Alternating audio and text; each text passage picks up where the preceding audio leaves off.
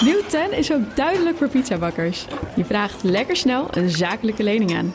Net zo snel als dat ik mijn pizza's bezorg. Duidelijk voor ondernemers. Nieuw 10. Je doelen dichterbij. Een initiatief van ABN AMRO. BNR Beurs wordt mede mogelijk gemaakt door Bridge Fund. Make money smile. BNR Nieuwsradio. BNR Beurs. Wesley Weerts, Jelle Maasbach. Ja, goed dat je weer op ons afstemt. Luistert naar de podcast voor de slimme belegger. Ook vandaag weer een dag die helemaal in het teken staat van de bank. Het begint bijna saai te worden, maar dat is het niet. Echt niet. Want gisteren leek de rust terug op de beurzen. Maar de angst is weer opgeleid. En dat komt door Credit Suisse. Shares of Credit Suisse hit an all-time low. De grootste Saudi-Arabische aandeelhouder niet extra geld wil bijleggen voorlopig om de boel te stutten. Nou, terwijl het geld er wel aan alle kanten uitloopt. Woensdag 15 maart, de dag dat de AX 2,9% lager sloot. De midcap zelfs 4,6%. De banken, we zei het al, hadden het zwaar. ING 9,6% naar beneden. ABN AMRO verloor zelfs 9,9%. Ook de verzekeraars in het verdomme hoekje. Egon verloor bijna 8% en AZER meer dan 6%. Genoeg te bespreken. En dat doen we vandaag met Nico Inberg van De Aandeelhouder. Het was één onvergetelijke rustige dag in bankenland, Jelle. En gisteren herstelden die bankaandelen weer een beetje. Maar ja, dat was van korte duur. Vandaag dus de problemen bij Credit Suisse. Nou, dat zo. Maar laten we eerst even kijken wat voor ander nieuws er nog was. Was nog wat anders? Nou, er was zeker nog wat anders. Want ik zag eh, weer wat over chips. We hadden het al eens over Amerika en Europa... die elkaar eh, proberen af te troeven op het gebied van eh, computerchips. Ja. Nou, nu kunnen we Zuid-Korea aan dat rijtje toevoegen. Ja, dat land heeft natuurlijk wel een gigantische chipindustrie. Maar ze willen die positie versterken. En de belangrijkste troef is Samsung. En dat vindt Samsung zelf ook. Want het bedrijf ziet een hoofdrol voor zichzelf weggelegd... en wil de komende 20 jaar meer dan 200 miljard euro investeren. Zo. Ja, Nico, kunnen Amerika en Europa inpakken? nou, het is wel een hoop geld. Zeker. En uh, kijk, Samsung is natuurlijk een hele grote speler. Uh, ja, net zoals uh, TSMC, en die, die blijven de boel aanvoeren. Dus het is in principe goed voor de Nederlandse bedrijven, hè, want uh, ze zullen met name machines moeten kopen. Ik geloof dat ze vijf nieuwe fabrieken willen bouwen daar in Zuid-Korea. Dus ja, dan moeten de machines van ASML staan, denk ik straks. Dus nou, die, die bleven trouwens ook redelijk liggen in de loop van tenminste het, het, eerste deel van de dag. Dus ja. Goed nieuws. Ja, ook voor ons dus een klein beetje goed nieuws. Nou is dit één bedrijf in één land dat dus zoveel investeert. Hebben ze hiermee hun eigen positie veiliggesteld, Samsung? Want ja, de grootste concurrent is natuurlijk TSMC. Ja, nou ja, dat weet je nooit. Het blijft natuurlijk technologie, dus uh, het gaat erom wie, wie de, de meest geavanceerde machines heeft, de meest geavanceerde chips. En uh, het is wel een enorme, enorme wedloop tussen allerlei bedrijven. Maar zij, zij zijn een van de top dogs uh, ja, net zoals TSMC, dus om vooraan te blijven, uh, ja, moeten ze blijven investeren. En dat, dat doen ze dus ook. En het is wel interessant omdat, kijk, TSMC die zit natuurlijk in Taiwan. Nou, dat ligt een beetje onder druk, omdat we allemaal een klein beetje bang zijn dat. -hmm de Chinezen straks een keer de overstap wagen over de zee. Dus voor Samsung liggen er best wel kansen, denk ik. Ik wil het ook nog hebben over BMW. We hadden het eerder al over concurrent Volkswagen. Dat gaat even 120 miljard euro uitgeven aan elektrificatie. BMW zet ook in op elektrisch rijden. En hoe? Ze zeggen dat van alle auto's die ze gaan verkopen... meer dan de helft elektrisch is. En dat dat ook al snel gebeurt in 2030 uh, of daarvoor. Oh. Dat ze gaan werken aan een auto die rijdt op waterstof. En dat de winstmarges dit jaar uitkomen tussen de 8 en 10 procent. Ja, Nico, eerst die uh, belofte over die elektrische auto's. Dat meer dan de helft van de verkoop voortaan bestaat uit elektrische auto's. Ik hoor altijd elke keer analisten zeggen... ja, je verdient veel minder aan die bakken. Is dit dan wel fijn dat BMW zo groot inzet op elektrisch rijden? Nou ja, ze zullen wel moeten. Je hebt ongetwijfeld gehoord wat de EU voorgesteld heeft afgelopen week. Mm -hmm. Dat is voorlopig wel van de baan door, door, ja, door Duitsland ervoor ging liggen. Maar die willen in, in, ik geloof in 2035 moet alles elektrisch zijn, alle nieuwe auto's. En daar moet BMW ook aan meedoen. Eerst hadden ze er helemaal geen zin in. Hè. Dat is echt uh, van mij een van de laatste die er aan begon. Maar nu hebben ze toch die, van mij die, die uh, i nog wat, die loopt van mij wel goed. En ze hebben natuurlijk ook die Mini. Dus uh, ik denk dat ze toch wel een beetje tempo willen maken nu. En ze hebben het geld, hè. ze verdienen best veel geld. Ze hadden een heel goed jaar gehad. Dus uh, ja, wat dat betreft uh, moeten ze wel een inhaalslag moeten ze gaan maken met, met die nieuwe auto's. Voor het eerst sinds 2020 gooit China de grenzen weer helemaal open. Toeristen kunnen het land weer bezoeken. Maar of die bezoekjes de economie gaan redden? Maar we beginnen bij de chaos in Zwitserland. Beleggers zijn alle vertrouwen kwijt in Credit Suisse. Er was al bijna niks meer over van de beurswaarde, maar vandaag kreeg hij opnieuw een enorme opdoffer. Aan het eind van de dag sloot het aandeel bijna 25% lager. Nou, wel gek, want gisteren was er veel slecht nieuws rondom de bank. En toen gebeurde er bijna niets met dat aandeel. Terwijl toen bekend werd dat er ernstige tekortkomingen waren in de boekhouding. En ook klanten die nog steeds geld van hun rekeningen blijven halen. Ja, en heel pijnlijk, volgens de Financial Times heeft de directie bij de Zwitserse Centrale Bank gevraagd: spreek alsjeblieft openlijk je steun uit. Hebben ze trouwens ook gevraagd aan de Zwitserse toezichthouder. Nou, wat ik ook las, is dat de ECB achter de schermen aan banken vraagt of ze banden hebben met eh, Credit Suisse. Nico, smeken om dat vertrouwen. De ECB die een onderzoek doet. Beleggers zijn in paniek. De bank nu ook? Nou ja, het ziet er niet goed uit. Kijk, met een bank is het zo. Als het vertrouwen weg is, dan is de bank weg. En we zagen afgelopen jaar al dat, dat heel veel uh, ja, depositohouders heel veel geld weghalen bij, bij deze bank. Uh, nou, we hebben gezien wat er in Amerika is gebeurd. Er komen nu eigenlijk twee dingen bij elkaar. Hè. Je, hebt, je, hebt, je hebt ten eerste de paniek die een beetje overslaat ja, vanuit Amerika. Uh, wat eigenlijk tot gevolg heeft dat, dat die, die renteverhogingen die de, dus de centrale banken hebben doorgevoerd die slaan een beetje in het gezicht van de, de uh, commerciële banken. Dus men is bang dat omdat ze geen rente uh, uitkeren aan de depositohouders, dat die hun geld weg gaan halen. Er was vandaag ook nog een verhaal die koers, dat die koers zo hard naar beneden ging, omdat een groot aandeelhouder uit Saudi-Arabië zei: we stoppen geen geld meer in de bank. Ja, die zijn er lelijk ingehangen, want die hebben volgens mij in december hebben ze iets van anderhalf miljard betaald voor 10%. En ja, die zijn natuurlijk ook niet gek. Dus je ziet die die koers dalen, die, die lezen overal dat iedereen zijn geld weghaalt. Dus ja, uh, om nog een keer bij te gaan storten. De eerste vraag zeggen ze natuurlijk nee. Kwam een beetje ongelukkig uit, denk ik, op, op, op zo'n dag als vandaag.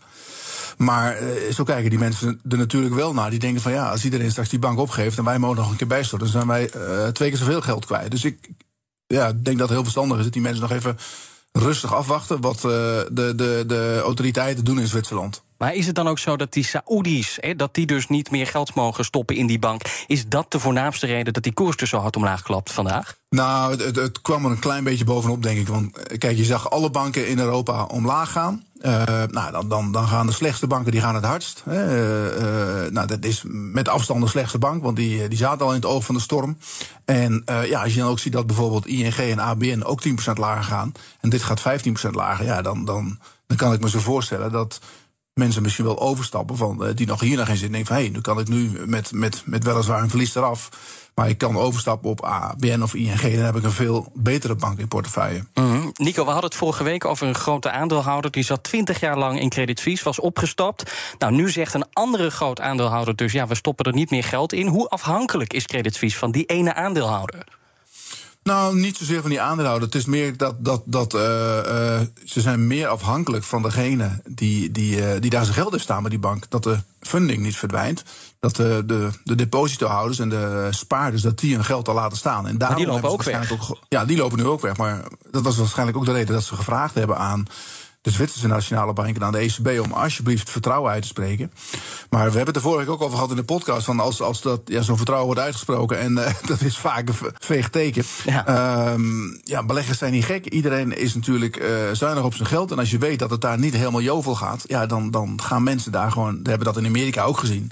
Uh, dan krijg je gewoon een bankrun. Dan gaan mensen hun geld weghalen. En die hebben weinig medelijden met zo'n bank. Denk van ja, ik moet gewoon wegwezen daar. En ik zet het wel bij een veilige bank neer. Ja, en er worden dus miljarden van de rekening gehaald. Wat hebben ze meer nodig? Hebben ze geld nu nodig of, of dat iemand openlijk steun uitspreekt? Dus dat vertrouwen? Nou, ik denk allebei een beetje, maar. Uh, uh, ja, bedoel, het een helpt het ander. Maar ze, ze, moeten met name zorgen dat die funding dat die een beetje blijft. En dat die mensen hun geld te laten staan. Dus, uh, maar goed, het, het, wordt wel een zware dobber, denk ik. Want ja, het, alles ligt nu onder druk. En men wacht echt op, op een uitspraak van de, de Zwitserse Nationale Bank of van de ECB. En de ECB moet morgen iets zeggen over de rente. Die, die zouden morgen in principe de rente met, met 50 basispunten gaan verhogen. En ja, ik denk dat het, de persconferentie morgen heel erg, heel ergens anders over gaat. Ja, ik wil een uh, uitspraak van de topman aan je voorleggen. Die zegt, en luister even mee... we hebben drie jaar de tijd nodig... en dan is Credit Suisse weer helemaal boven Jan. And you know, that's why we said in October... it needs radical change. You know, the bank needs to be changed.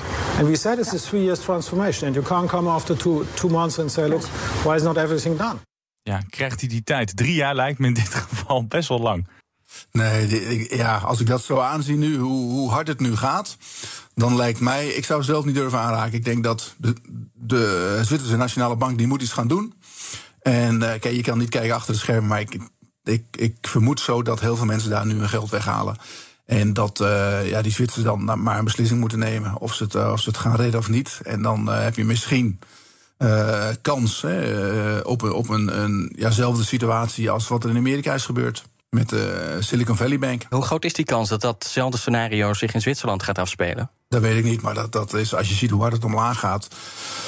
Eh, kijk, het is niet alleen die beursdaling van het aandeel. Dat, valt op, dat is natuurlijk ook, ook, ook erg voor de, voor de aandeelhouders. Maar daar, daar hoef, je niet, hoef je niet zoveel medelijden mee te hebben. Het gaat er met name om dat, dat, dat die, die, eh, die daling van die beurskoers... is een weerspiegeling van het vertrouwen in die bank. En dat, dat vertrouwen bij heel veel spaarders en, en eh, ja, rekeninghouders... dat is waarschijnlijk weg. Die denken van, nou, ik haal daar gewoon mijn geld weg. En als iedereen zijn geld weghaalt, moeten zij... Hè, eh, dat geld hebben ze, ze hebben nu nog heel veel geld, hè, maar als echt alles weggehaald wordt...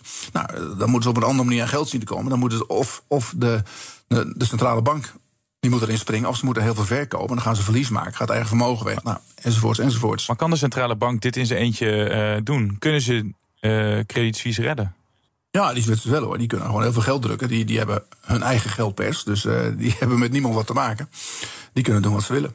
Is Credit Suisse een eh, bedreiging voor de Europese bankensector? Nou, ik denk niet zozeer. Kijk, die, die banken zitten natuurlijk wel allemaal met elkaar verweven. Ehm, dus dat heb je wel. En dat, dat ik, ik eh, ja, stel me ook zo voor dat ze dat nu gaan uitzoeken van hoe dat nu precies allemaal zit.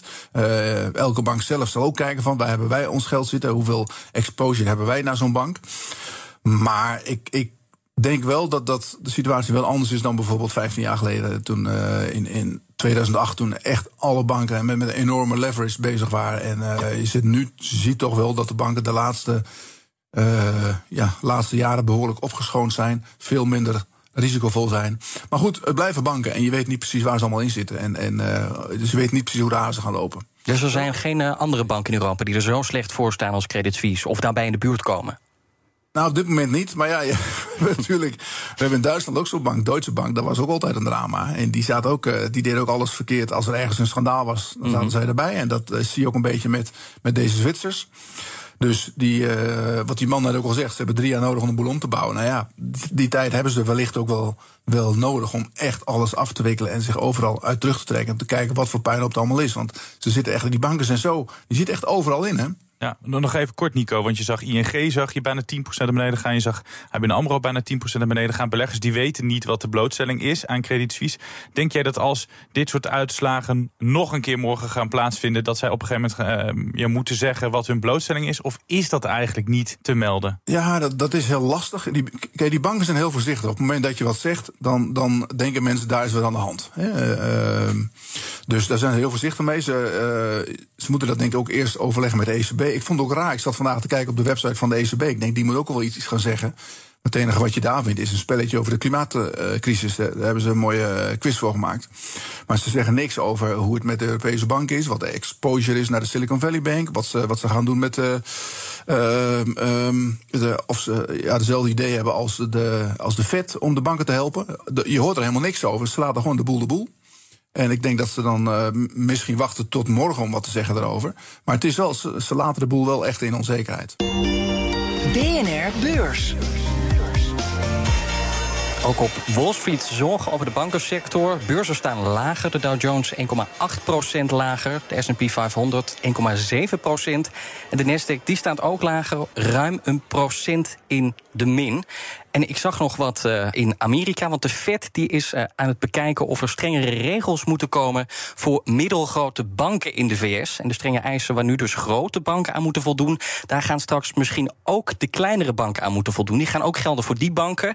En er is natuurlijk de jaarlijkse stresstest en die wordt mogelijk uh, ook strenger. Ja, Nico, is dit paniekvoetbal of is dit echt nodig? Want ja, met strenge regels voorkom je bijvoorbeeld geen bankrun. Nou, ze hebben voor mij een aantal, aantal jaren geleden onder het bewind van de vorige president. Er stond een leuk filmpje van op, uh, op internet. Hè. Hebben ze bepaalde, bepaalde regels afgeschaft.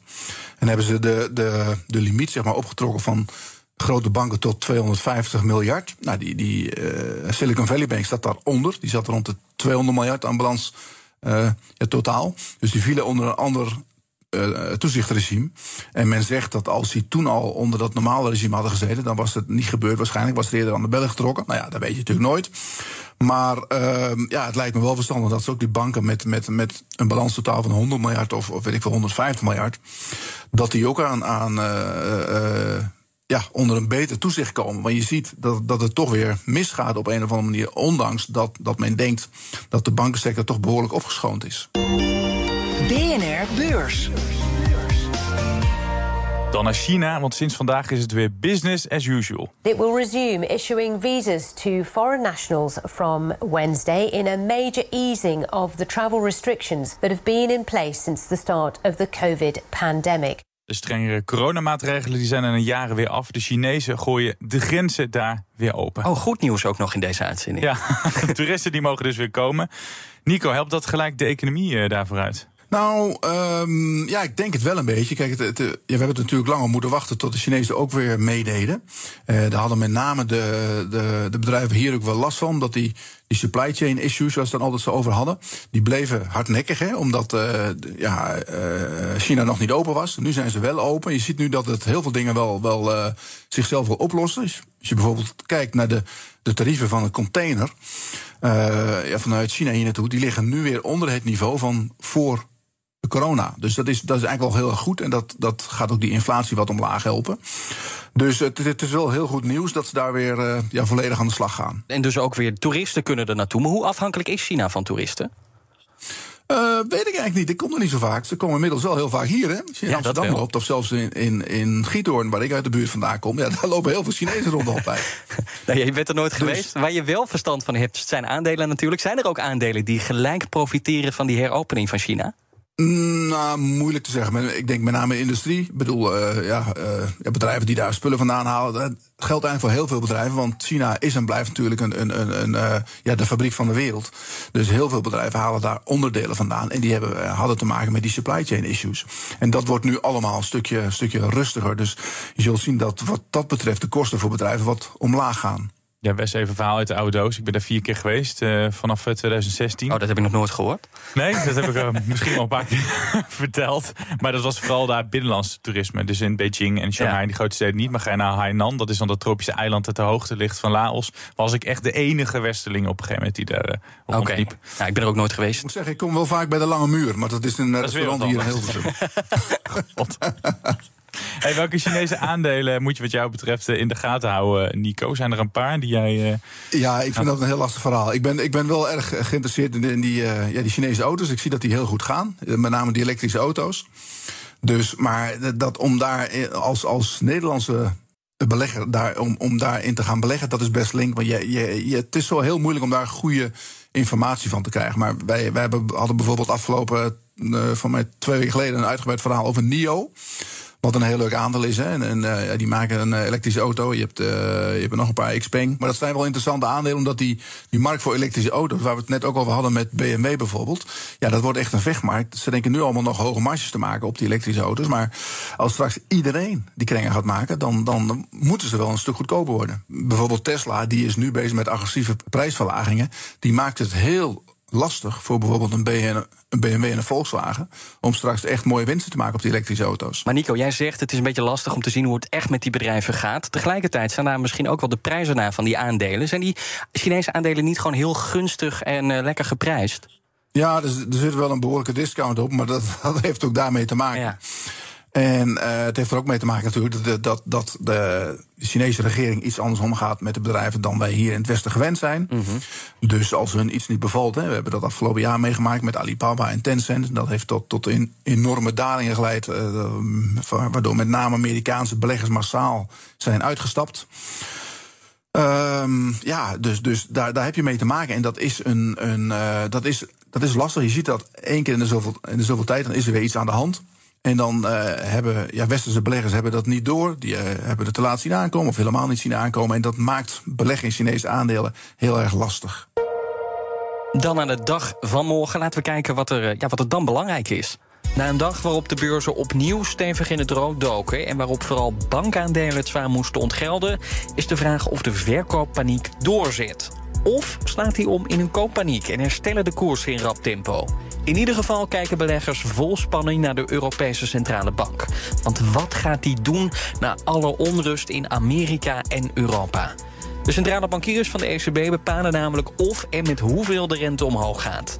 Begin vorige week was het volgens voorzitter Christine Lagarde erg waarschijnlijk dat de rente met een forse 50 basispunten wordt opgeschroefd. Maar of ze daar nu nog steeds zo over denkt? Verder komt er een inflatiecijfer uit Italië.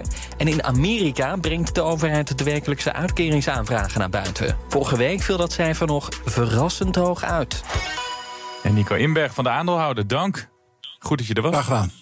En wij eh, zijn er morgen weer. En uh, ja, weet dat als je een vraag hebt, dan kan je die stellen. En dat oh ja. kan, Wes, via... bnrbeurs.bnr.nl. En dan leggen we dat dus voor aan onze gast op uh, vrijdag. Zeker. En dan nog een tip, en dan sluiten we echt af.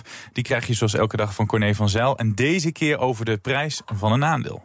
Het is beter om een fantastisch bedrijf te kopen aan een gewone prijs... dan een gewoon bedrijf aan een fantastische prijs. Tot morgen. Tot morgen. BNR Beurs wordt mede mogelijk gemaakt door Bridge Fund. Make money smile. Nieuw 10 is ook duidelijk voor pizzabakkers. Je vraagt lekker snel een zakelijke lening aan.